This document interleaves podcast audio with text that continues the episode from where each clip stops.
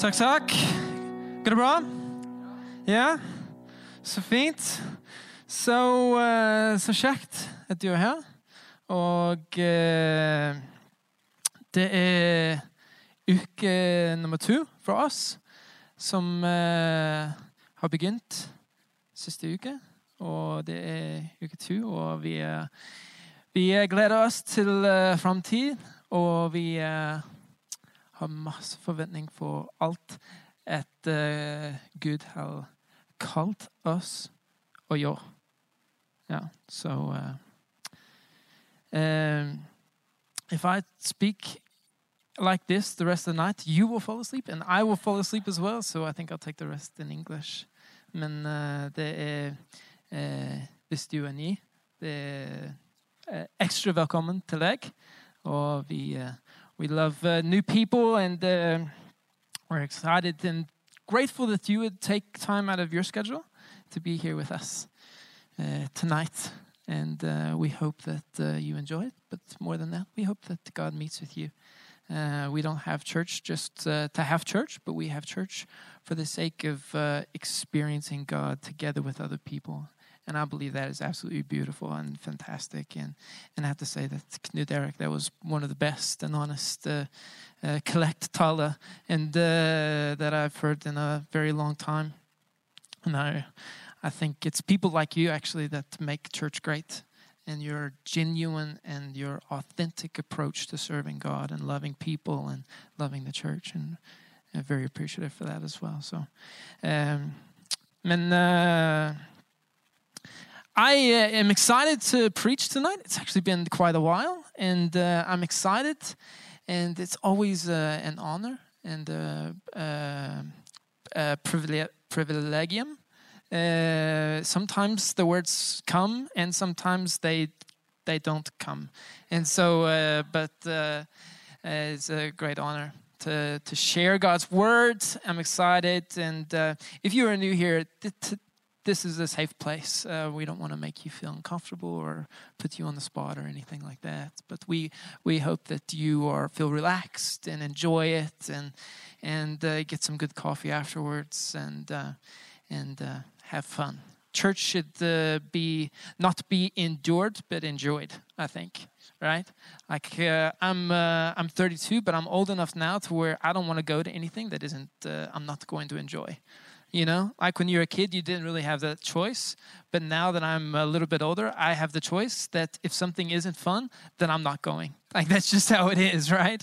Like you love people, but if your party is lame, then I'm not coming. No, I'm just joking. just joking. Just joking. Um, but uh,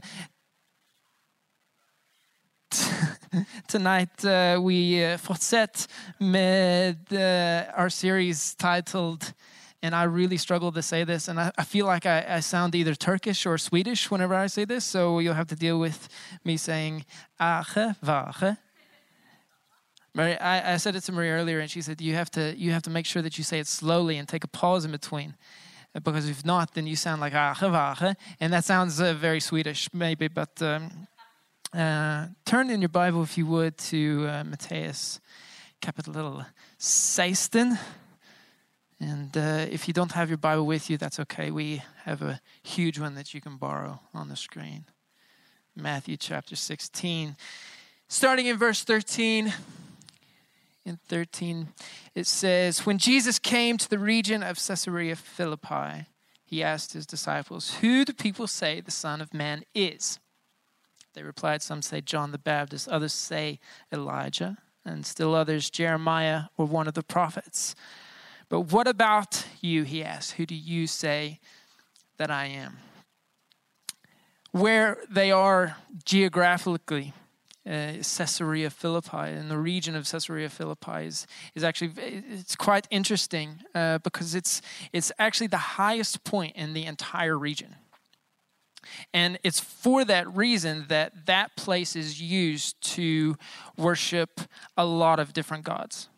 And so that place is known for the worship of a lot of different gods of the region, and, and people would go there to worship these gods. And one of the gods is actually called the god of Pan, or the god Pan. And uh, it's interesting that God's Pan is actually uh, the god of sex, who is uh, half donkey, half human, which it made me think about Mr. Tumnus. Uh, do you know what I? I think we have a picture of Mr. Tumnus. And uh, I, I, don't know why. There's no reason for me saying that, but that's just what made they got the pan is tumnus because half donkey, half human. Nothing to do with what I'm talking about tonight. I just thought it was interesting.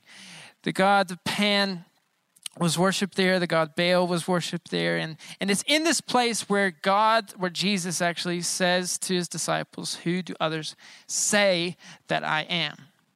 Who do others say that I am? And the disciples' response is is good. They say, well, some say that you're John the Baptist and some of the different prophets, and they kind of buttering Jesus up maybe a little bit, you know, comparing him to the, these big deal kind of guys. But Jesus doesn't really pay attention to what they say. He just quickly turns it around and he shifts it and he says, Yeah, but who do you say that I am? Who do you say that I am? It's interesting uh, because it's not a practical, it's not a theoretical question. It's not necessarily completely a theological question, but I believe it is a, is a practical question. Who do you say that I am? In the way that you talk, in the way that you live your life, who are you saying that I am? It's very interesting because it's it's the Bible says that that life and death are in the power of the tongue. As we know that the words that we speak have power. And they have power to actually move us in a direction or another. Who do you say that I am? With the way that you live your life. I believe that Jesus was asking, and, and what you say and how you treat other people, and the way that you outwork your life. How, who do you say that I am? Who do you say that I am?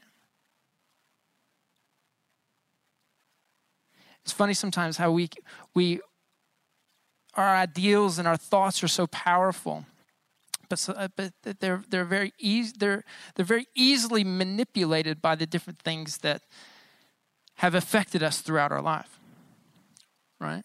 I don't know if you've ever been driving in your car and you see the gas gauge, and maybe the gas gauge is getting getting a little bit low. And uh, in my car, I don't have an electric thing, so it's an actual needle. And so, if I'm not feeling like uh, I want to get gas in the moment, then then all I really have to do, if the gas gauge is getting a bit low, is just kind of lean into the window a little bit, and then it looks like I had like a half tank of gas. You know what I mean? Like, I don't know if you've ever been there. Like, I don't like to get gas other than Sundays and Mondays because it's cheap. It's not for any other reason that I think it's a good challenge to see if I can make it that long. You know what I mean? And so I'll wait, and uh, and and if the gas is getting a little bit low, then I'll just lean into the window. Have you ever been shopping with someone, and they ask you if you look good in something? Only me. Uh, maybe you're shopping with a friend. They ask, "Do I look good in this? Do I look good in this?" And uh, you know, if you're a decent individual, then there's only one right answer, right? They say, "Yeah, you, you know, you look great," but but you don't want to lie, and so you kind of try to find the right angle. So if they say, "You do, do I look good in this?" You you kind of look at them, and you're like, "Yeah, yeah, you look all right, kind of." But then if you maybe you turn your head, and you're like, "Ah, you know, that's." that's your angle, you know? like, I was looking at you like this, but like this, like yellow spandex has never looked better, you know what I mean? We view people, we view things, we view God through different lenses, through different filters, through different angles, and it changes how we see God, which then changes our expression of Christianity to the world. In 1508, Michelangelo was commissioned to paint the ceiling of the Sistine Chapel, which is what we see here. It took him four years to, to paint it. And uh, you probably well know it's has been regarded now by scholars as one of the most influential paintings uh, for Western art that maybe there's ever been. It's completely changed and revolutionized the trajectory of art, and it has actually been used as a um, as a measuring point for all other art. Actually, is a huge deal. But in addition to that, when it was painted in the 1500s, it was actually used. People would go and look at it, and they would understand God through this painting. And there, there's reason for that uh, that we don't have time to go into today, but they would go and they would see it and they would understand God through these paintings and through these beautiful expressions. But the problem is, is, is about a hundred years after Michelangelo painted it, the painting began to fade. The colors faded, the colors dulled, they softened, and they weren't as vivid and expressive as they were when he first painted. That on top of that, there was uh, a uh, hundred years of burning candles that created a black film across the painting. And so these dark and these dull colors that people were understanding God through made people think, oh, God is so dark. God is so mysterious. God is so unknown. God is God is maybe a little bit scary right? God is God is dangerous. God is out to get me. These these things that were these filters that people were seeing God through were so powerful that it was actually changing the way people thought about God. We fast forward to 1984, I think, and there was a team that was assembled that were commissioned to restore the painting. And it took them 10 years um, and they worked in a in sections of about two centimeters, so about like that. And they worked for ten years. They put a huge uh, stillas up in the middle, and they worked every day, ten years, ten years. And when they were done, they came out, and people went in and looked, and they were horrified. They were so upset because the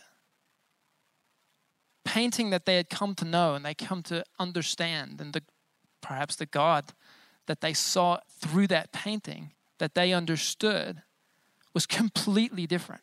The dull colors, the dark tones, the faded image, the kind of rustic, uh, distressed, the shabby chic looking uh, picture was, was now this vivid, colorful, beautiful blast and explosion of light and color and dimension. And people were so upset that they had ruined the painting.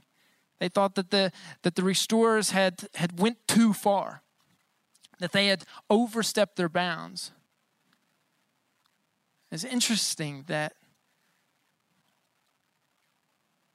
So often we follow what we believe to be an image of God that is nowhere close, isn't it?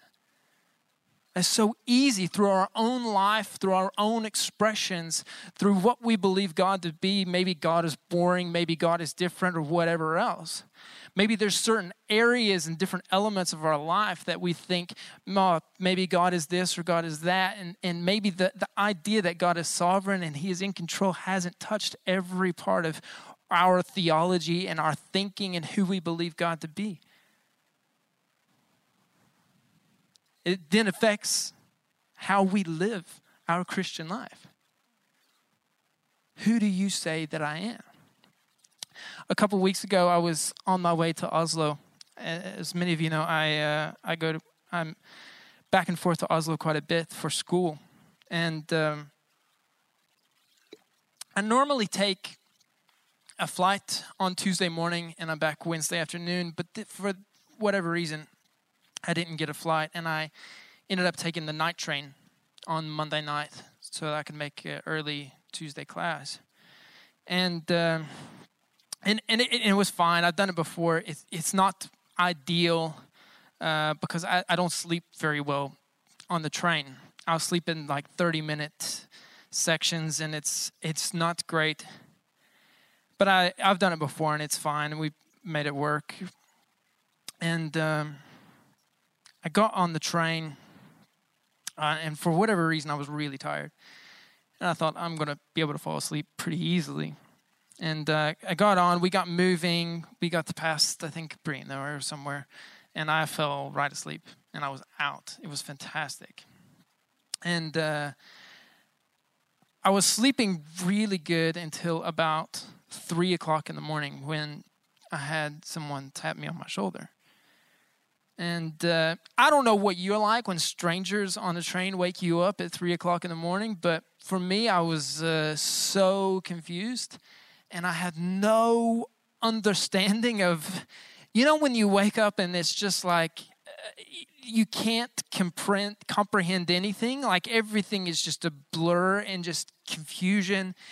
And uh, thank you. And uh, I had uh, this stranger tap me on the shoulder at three o'clock. I knew it was three o'clock because I looked at my phone as soon as he woke me up.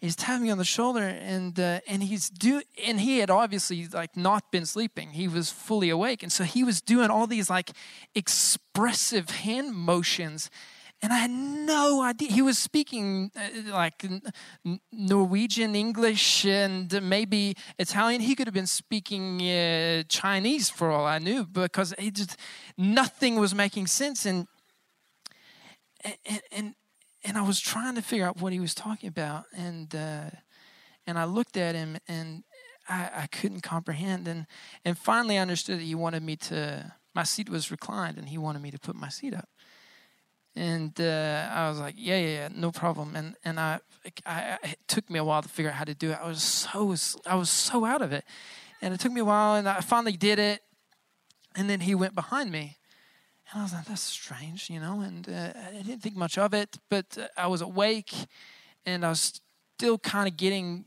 my thoughts together and uh, and I turned around and I was trying to figure out why did why did he need me to do that? And uh, I turned around and and behind him he was the last row of seats, and back behind them there was this like huge empty space, and um, what he, he had done is he had he had taken the last row of chairs and he had turned them around so that he could recline his chair back and have like a lot of leg room.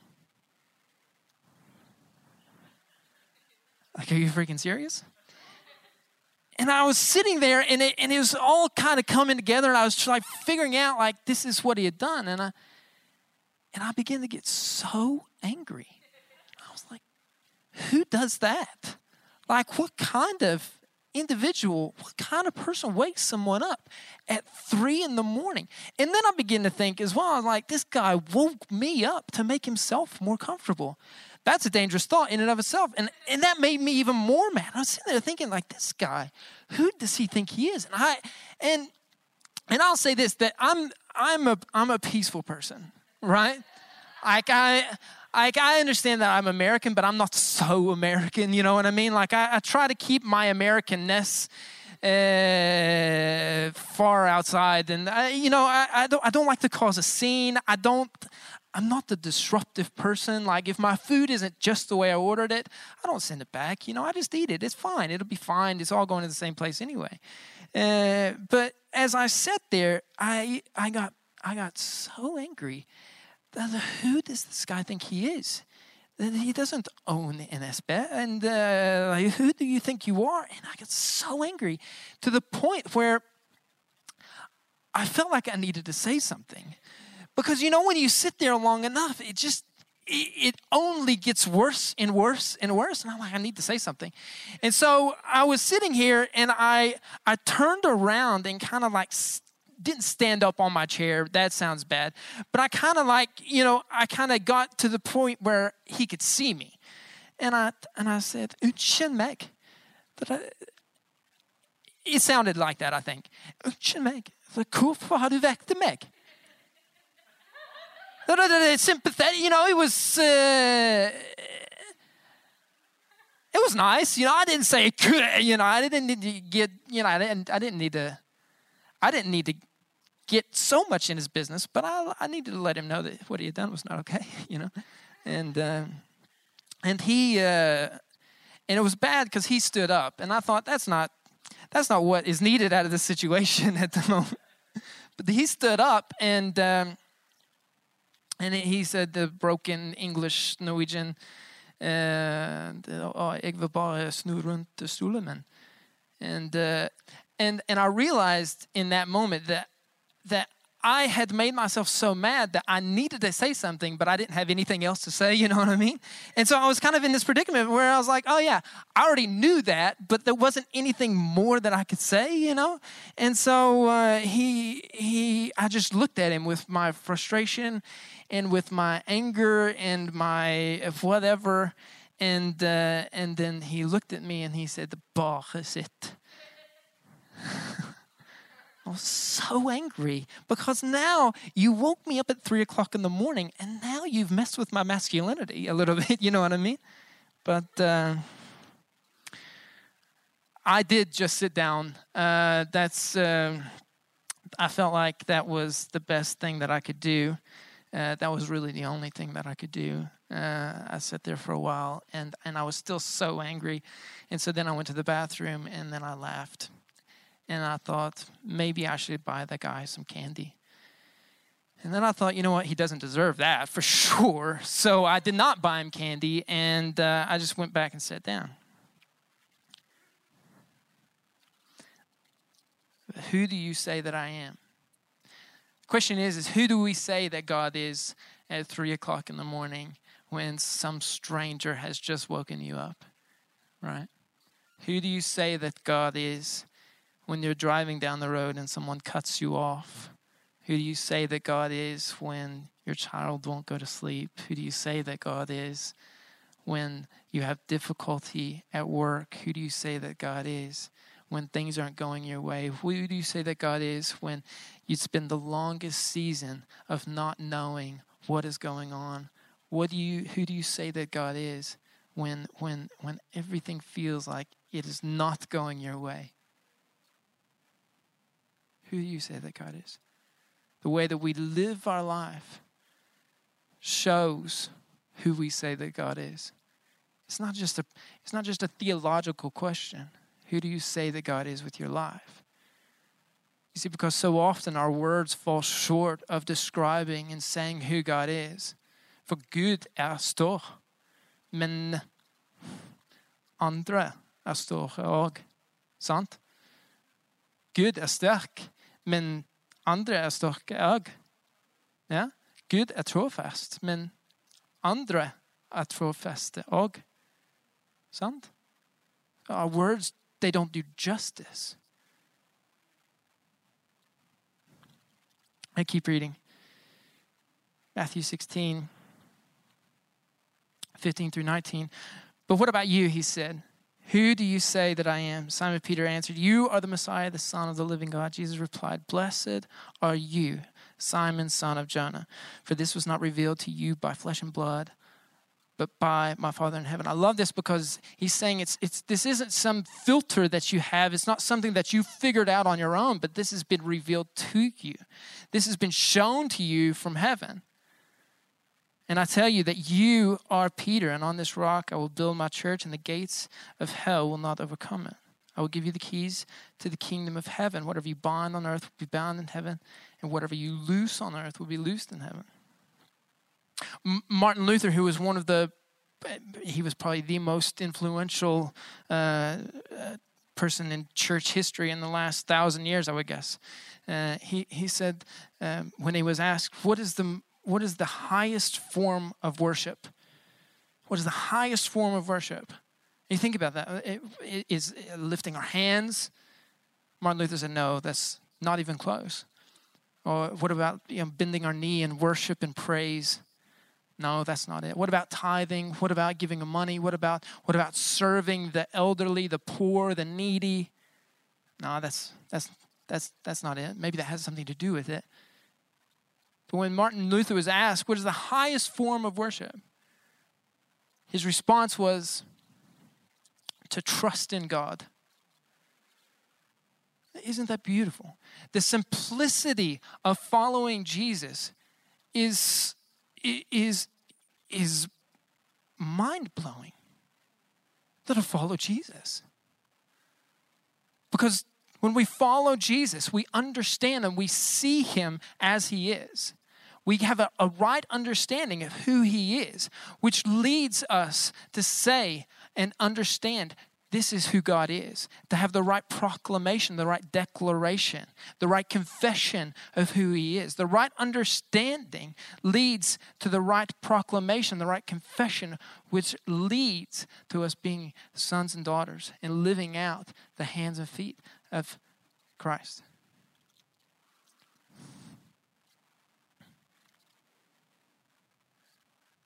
Oh, the band can come up. I remember being a, young man 16, 17, 18, and I wanted to be so spiritual. And uh, I don't know what you were like when you were 16, but I just wanted to be like a monk. I don't know why, but uh, that's uh, that's really what I wanted. And and uh, all the spiritual people that I knew were always so angry. And uh, I don't know what they were angry about, but but uh, growing during that time, I I would read my Bible all the time, and I would go to church and I would pray all the time, but whenever I was around people, like I never smiled.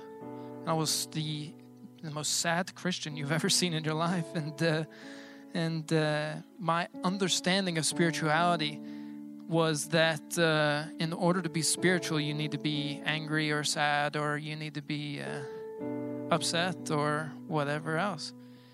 And uh, uh, I've come to a point in my, my life now where I understand that uh, my spiritual life has uh, has very little to do with uh, with me, but how I reflect the love and the goodness and the grace of God in a way that is that is genuine and authentic. It's not about me, me trying to put on a happy face or put on a spiritual face or put on this or that. But, but the most spiritual thing I can do is to trust in Him and let the authenticity of His goodness and His grace, His hope and His mercy pour through me to a world that might have a filter and a lens of God that isn't right. Hmm.